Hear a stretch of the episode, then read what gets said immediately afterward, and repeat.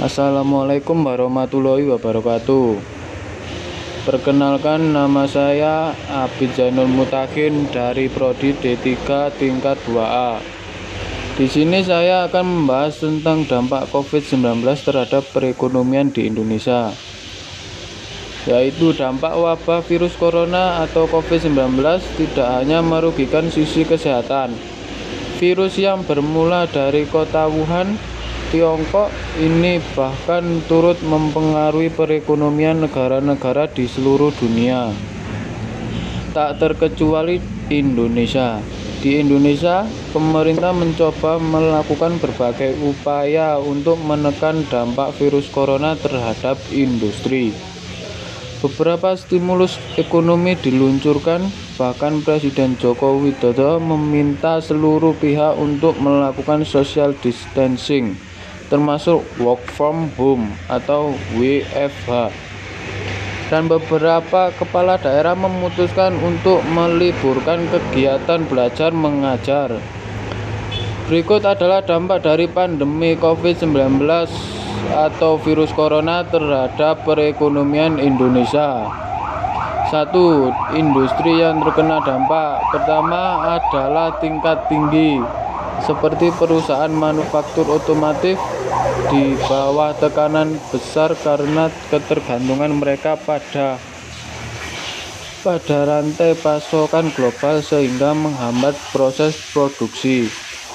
Yang kedua, tingkat sedang seperti industri perfilman yang mengurangi proses syuting, industri media dan pers yang terhambat mencari konten dan berita.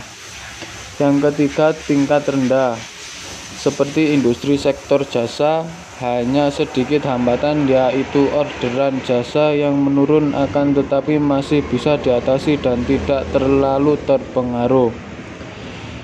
Yang kedua, keuangan digital meningkat.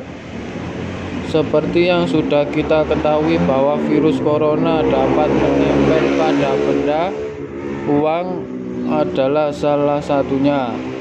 Ini adalah alasan mengapa uang digital akan meningkat karena uang digital tidak bisa dipegang atau disentuh sehingga tidak akan menyebabkan terjadinya penularan virus corona. Beda halnya dengan uang fisik atau kertas dan logam yang bisa dipegang dan tentu ini akan menyebabkan terjadinya penyebaran virus. Yang ketiga, meningkatnya daya beli produk lokal. Dari dampak negatif yang ditimbulkan oleh wabah ini ternyata ada sisi baiknya, yaitu pertama meningkatnya daya beli barang lokal dikarenakan pemerintah sudah melarang barang impor selama wabah ini masih berlangsung. Kedua, Polisi udara menurun akibat kurangnya kendaraannya disebabkan oleh social distancing.